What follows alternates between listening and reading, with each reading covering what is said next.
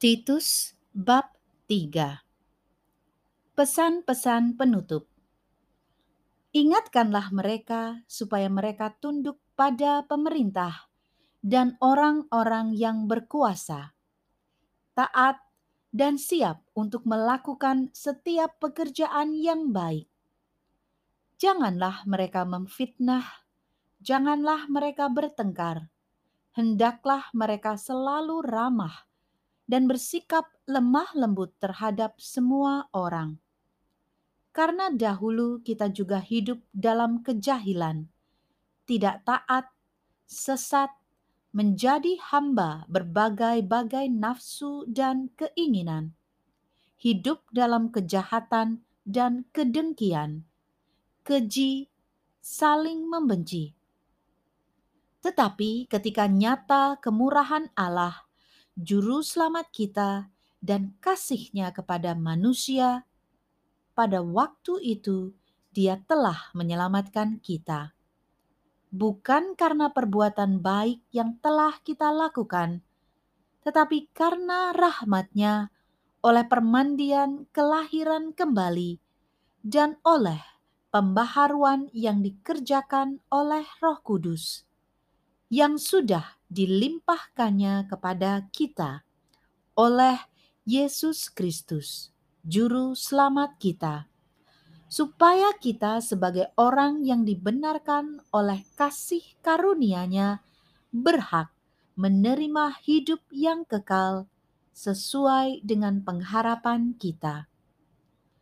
Perkataan ini benar dan aku mau supaya engkau dengan yakin menguatkannya agar mereka yang sudah percaya kepada Allah sungguh-sungguh berusaha melakukan pekerjaan yang baik.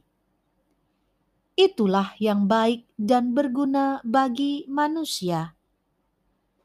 Tetapi hindarilah persoalan yang dicari-cari dan yang bodoh, persoalan silsilah, percekcokan dan pertengkaran mengenai hukum Taurat.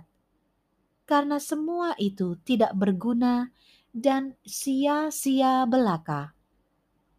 Seorang bidat yang sudah tahu dua kali kau nasihati, hendaklah engkau jauhi. Engkau tahu bahwa orang yang semacam itu benar-benar sesat dan dengan dosanya menghukum dirinya sendiri. Segera sesudah kukirim Artemas atau Tychicus kepadamu, berusahalah datang kepadaku di Nikopolis, karena sudah kuputuskan untuk tinggal di tempat itu selama musim dingin ini. Tolonglah sebaik-baiknya Zenas, ahli Taurat itu, dan Apolos dalam perjalanan mereka, agar mereka jangan kekurangan sesuatu apa.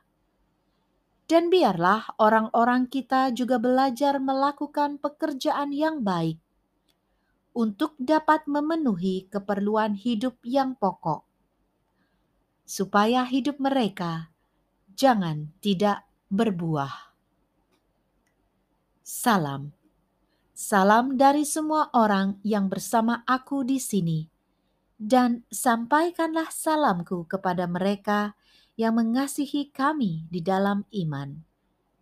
Kasih karunia menyertai kamu sekalian. Demikianlah sabda Tuhan. Syukur kepada Allah.